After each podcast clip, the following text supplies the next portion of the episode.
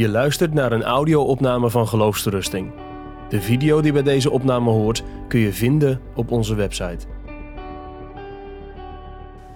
Er zijn er hier waarschijnlijk heel veel die uit ervaring weten dat de uitdrukking gedeelde smart is halve smart waar is. Gewoon klopt. Ik zit mij vaak af te vragen, maar hoe werkt dat dan? Zit je tegenover een goede vriend of vriendin? Of tegenover iemand die je tegenkomt en die geïnteresseerd vraagt: hoe gaat het met je? Maar het gaat niet zo best. En met dat je het gewoon zegt, uitzegt, wordt de smart minder. Hoe werkt dat? Dat het werkt weten we, maar hoe dan? Nee, de ervaring is niet dat dan meteen je problemen zijn opgelost. Dat er dan helemaal geen pijn en verdriet meer is in je leven. En toch, gedeelde smart is halve smart. En ik stel mij voor vanavond met het thema een ontmoeting met Jezus de vraag: zou het evangelie misschien zeggen, gedeelde smart met Jezus gedeelde smart is weg smart? Stel je voor dat dat waar is.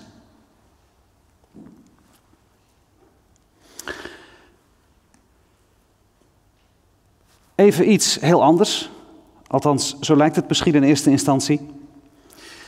Als wij het hebben over geloof, geloven, in Jezus geloven, tot God komen, tot overgave komen, wedergeboorte enzovoort, dan hebben we het allemaal over dingen waarin het woordje ik en het woordje mijn een hele grote rol speelt.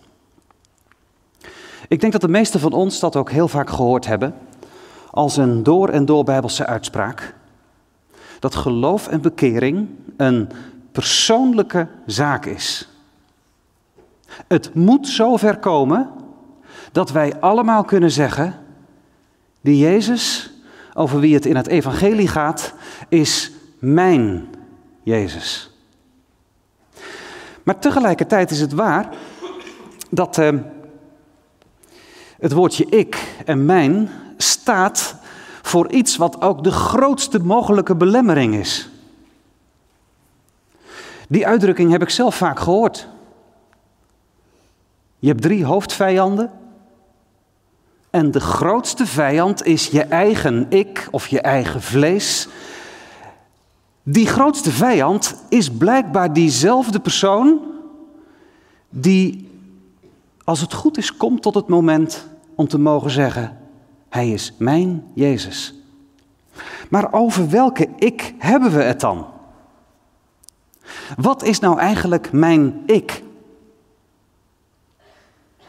En waarom is dan dat ik, mijn eigen ik, de grootste vijand? Even zonder antwoord te geven op deze twee vragen.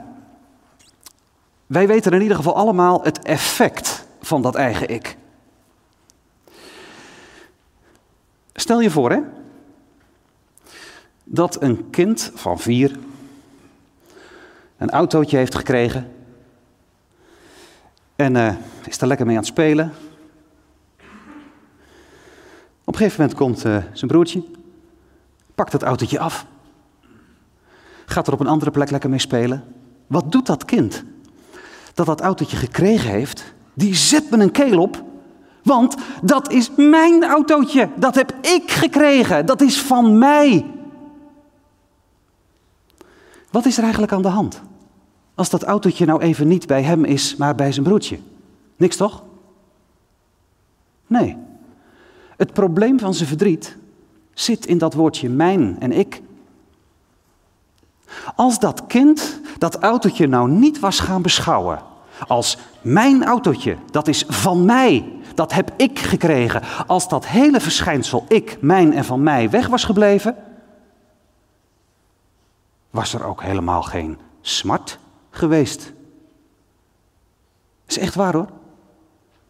Een heel groot deel van ons leed, van ons verdriet, van onze smart wordt veroorzaakt door het feit dat wij geleerd hebben ik en mij te zeggen.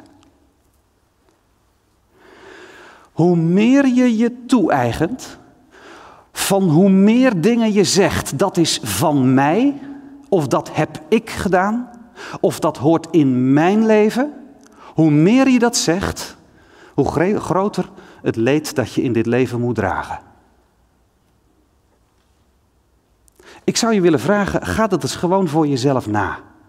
Op hoeveel momenten van de dag jij je vervelend voelt, niet omdat jou onrecht wordt aangedaan, maar omdat je iets je hebt toegeëigend. Bezit, contacten, succes, je handicap. Kijk, het is heel gezond hè, dat uh, je het woordje ik hebt geleerd. Dat is heel normaal.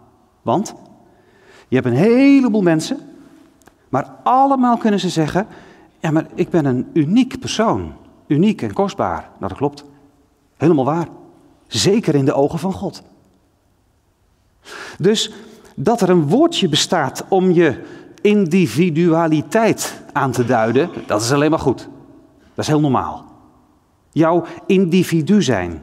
Jouw uniek persoontje zijn ten opzichte van vergeleken met al die andere mensen. Helemaal terecht. Maar een van onze grote problemen is dat we dat woordje, wat bedoeld is om je als uniek persoon aan te duiden, een eigen leven is gaan leiden.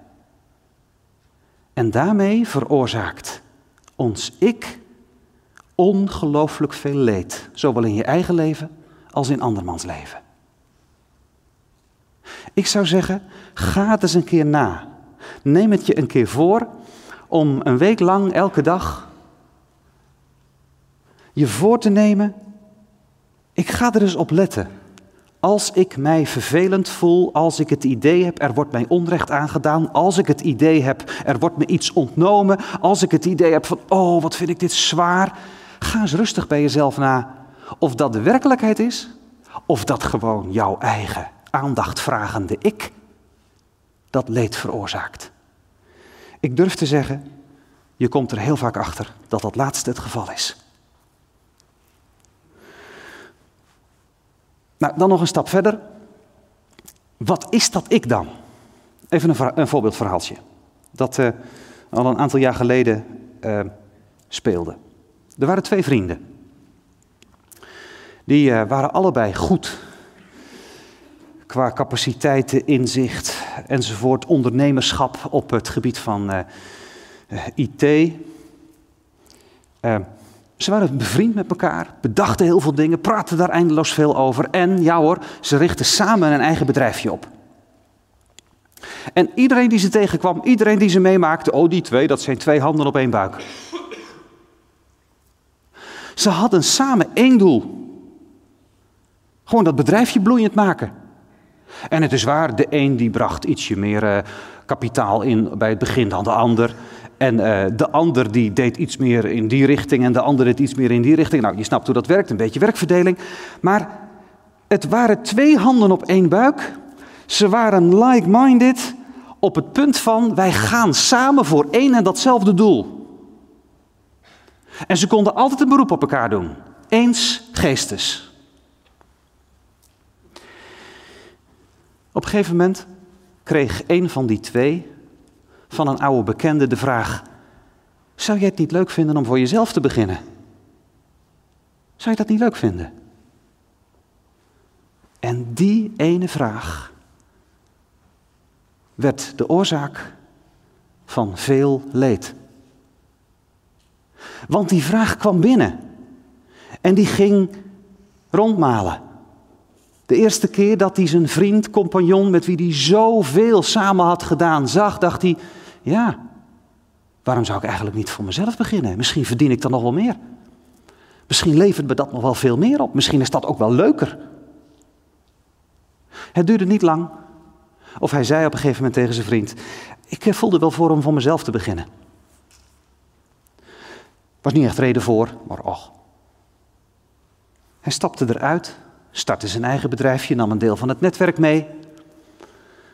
Maar na een paar maanden was hij er al achter een groot deel van mijn energie gaat sinds ik voor mezelf begonnen ben naar, ja, mijn concurrentiepositie, hè? Voortdurend denken, hoe kan ik mijn oude compagnon voorblijven? Wat kan ik doen om ervoor te zorgen dat eh, mijn klanten bij mij blijven, niet naar hem gaan, dat mijn klantenkring zich uitbreidt, desnoods ten koste van hem? Hoe kan ik? Er kwam een last, een bult, moeite bij, denkwerk, energieverlies. Alleen maar omdat hij voor zichzelf was begonnen.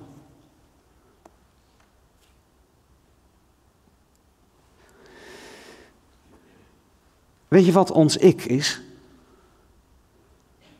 Dat is de concurrent van God in mij.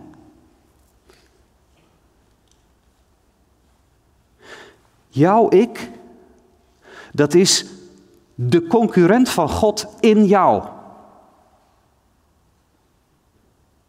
En ieder van ons voelt het, weet het. Als er één ding kenmerkend is voor een concurrent, dan is het je afscheiden. Je losmaken van die eensgeestigheid. En samen voor één doel gaan. Om apart van die ander te gaan staan en, ja, letterlijk, voor jezelf beginnen. Ik ben voor mezelf begonnen. Maar met dat het gebeurd is, is degene met wie ik eens geestes was een concurrent geworden, een bedreiging. Iemand die, die, ja, die een gevaar voor me is, een vijand. Daar was nul reden voor. Nul reden. Je zult toch eens geestes met God de grote schepper zijn. Like-minded. Op één doel gericht. De vreugde van het leven met God. Maar nee, zou je niet voor jezelf beginnen? vroeg Satan. En het ging malen. En we gingen mee. Die concurrent van God in ons, dat is mijn ego. En hoe noemt hij zich? Ik. Is dat de ik die God gemaakt heeft? die God bedoeld heeft, is dat je ware ik, nee, dat is je valse ik. Waar wij mee zitten, zijn twee ikken in ons. En de Bijbel is er duidelijk over. Die valse ik, die oude mens, die moet dood. Die moet radicaal dood. Zolang die valse ik in mijn hart op de troon zit, het voor het zeggen heeft, alle aandacht naar zich toetrekt, en dus heel veel leed veroorzaakt, heel veel lasten op me laat, dan blijft mijn ware ik, mijn oorspronkelijke kind van God zijn, blijft bedekt, kwijnt weg. En tenzij wij wederom geboren worden, gaan we ten gevolge van dat ego voor eeuwig verloren.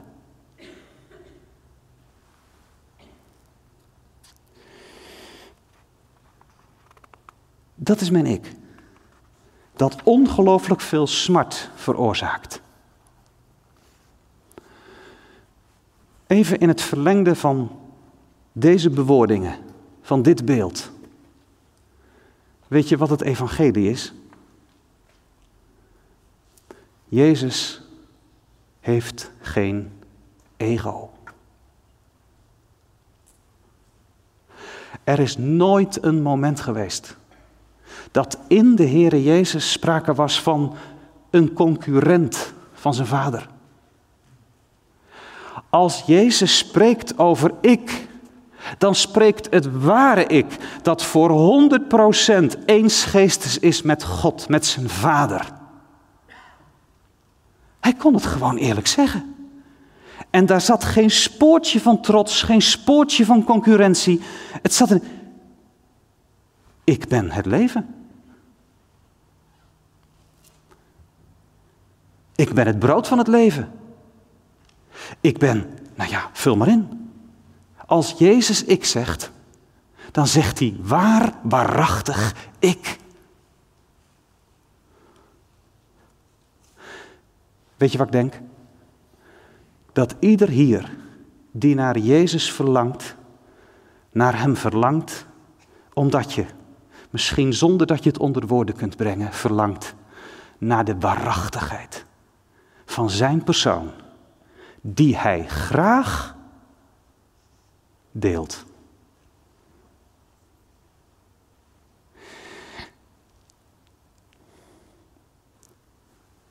Want hij is dus ook geen concurrent van mensen. Nee. In hem schuilt geen concurrent. In mij wel. Met dat mijn ik, mijn valse ik, mijn zelfgevoel van ik ben, van mij, mijn. Met dat dat een grote rol gaat spelen, de, de, de heerschappij in mijn leven heeft. Ben ik niet alleen concurrent van God, ben ik het ook van mijn medemensen. En ieder van ons heeft het vandaag gemerkt. Tenzij je te onbewust leeft. Nou, dan moet je wakker worden. Iedereen heeft het gemerkt. Concurrent van mensen, van medemensen. Soms zelfs concurrent van mijn beste vriend of vriendin. En ook, misschien is dat wel het ergste. Ja, klopt. Daarom is je eigen ik je grootste vijand. Concurrent van jezelf. Je valse ik is concurrent van je ware ik. Maar Jezus is in geen enkel opzicht concurrent en dus kan Hij volkomen eensgeestig zijn met ons. Als Hij tot ons komt, spreekt Hij niet je valse ik aan, want je valse ik is niets. Een ballonnetje dat heel snel opgeblazen wordt en dat binnen de kortste keer ook weer klein is. Ga je eigen gevoel van trots en arrogantie maar na. Dat is dat. Het is niks. Gedachtenspinsels. Als Jezus ons aanspreekt met woorden vanuit zijn eigen waarachtige ik, dan spreekt hij ons aan op ons diepste zijn. Die unieke, kostbare persoon. Uit Gods hand voortgekomen, door God gewild. Die spreekt hij aan. En daarom begint het evangelie, begint onze redding altijd bij Hem. Hij komt met woorden die een appel doen op dat wat zo diep verborgen is, wat helemaal weggekwijnd is, waarvan je zeggen moet met bijbelse woorden, dood door de zonden en de misdaden. Ja. Maar hij is degene die in staat is om contact te maken en dan, ja, dat te doen wat ook in die wonderlijke uitdrukking staat. Gedeelde smart is halve smart. Al die lasten over te nemen. Ik noem een paar Bijbelgedeelten.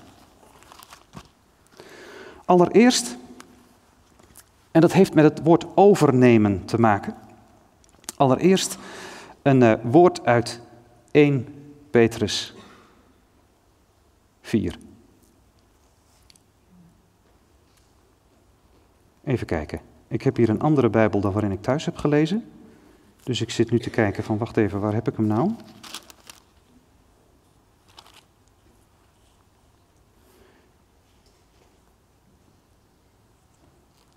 Nou, dit is mijn probleem. Er staat letterlijk in de eerste Petrusbrief deze uitdrukking. Die zelf onze zonden in zijn lichaam gedragen heeft op het hout. Dat is de kern van het evangelie.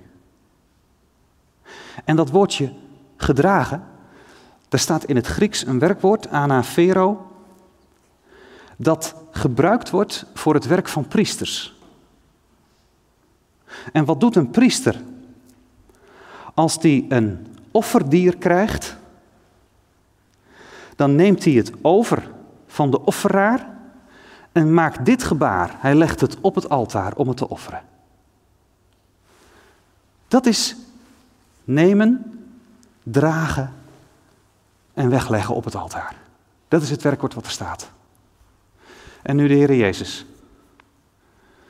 de priester, die zelf onze zonden in zijn lichaam gedragen heeft op het hout. Als ik kom en ik tegen hem zeg, ja dit hè, vuil, zonde, ego, zoveel ego. En pijn, en verdriet. Wat doet hij dan? Nou dat, anavero. Hij doet zo en vervolgens zegt hij niet, nu leg ik het van me af, maar hij neemt het op zich. Hij drinkt het in, hij zuigt het op, hij neemt het over. En hij draagt het weg op het altaar van het hout. Het kruis. Datzelfde gedeelte in de eerste Petrusbrief, dat roept allerlei herinneringen op aan Jezaja 53. Daar zie je het precies gebeuren. Ik wil hem even vertellen zoals die in die tijd moet zijn overgekomen.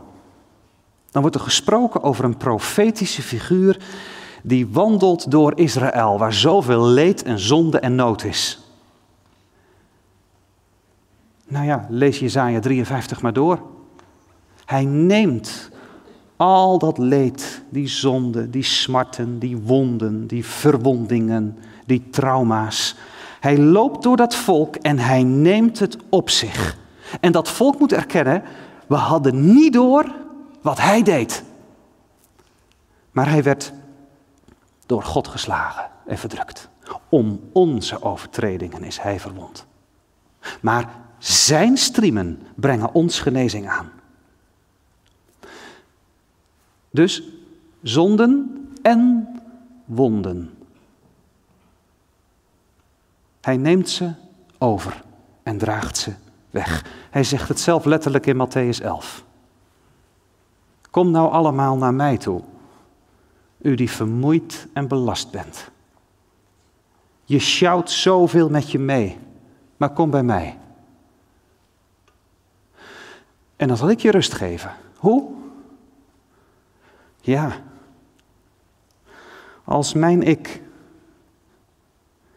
tot hem komt, in dat diepe verlangen, zo aangevochten door mijn valse ik, tot hem komt en eens geestes is met hem, dan gebeurt het. Via die weg neemt hij alles over. Neemt hij alles over. Gedeelde smart. Wegsmart? Ja?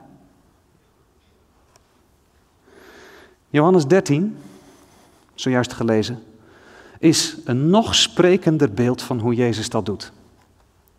Je hebt het zojuist kunnen volgen. Geen ego, hè? En dus volmaakte liefde. Jezus zonder ego, de hoogste, de liefste zoon van God. Hij legde zijn kleed af, hij vernederde zich. Geen last van ego. Hij gaat voeten wassen van die vieze voeten. Die gaat hij wassen. En als die komt bij Peter, zegt nee, maar ik niet. Ja, maar zegt hij, als ik je niet was, Petrus, dan heb je geen deel aan mij. Oh, maar dan helemaal. Ja, en dan wordt het nog mooier. Dan zegt de Heer Jezus, ja, maar dat hoeft niet. In de afgelopen drie jaar heb jij dat grote bad genomen. Heb ik je gebaat met mijn onderwijs. Je bent al rein. Het enige wat ik elke dag bij je moet doen, is je voeten wassen. Je voeten. Je dagelijks vuil. Dat wat weer aan je gaat kleven als je door het gewone dagelijkse leven gaat. Je hebt alleen deel met mij je bent alleen eensgeestes met mij en gericht op dat ene machtige doel. De vreugde van het leven met God volkomen en met iedereen en met jezelf. Je bent alleen eensgeestes met mij als ik je dagelijks was. Hoe doet u dat dan, heren? Nou zo. Ik buig voor je. En jij steekt mij je vuile voeten toe. En dan was ik ze. En dat vuil aan mijn handen en in dat water en aan die doek, dat neem ik mee. Wat doet u er dan mee, heren? Dit. Met één machtige zwaai in de zee van eeuwige vergetelheid.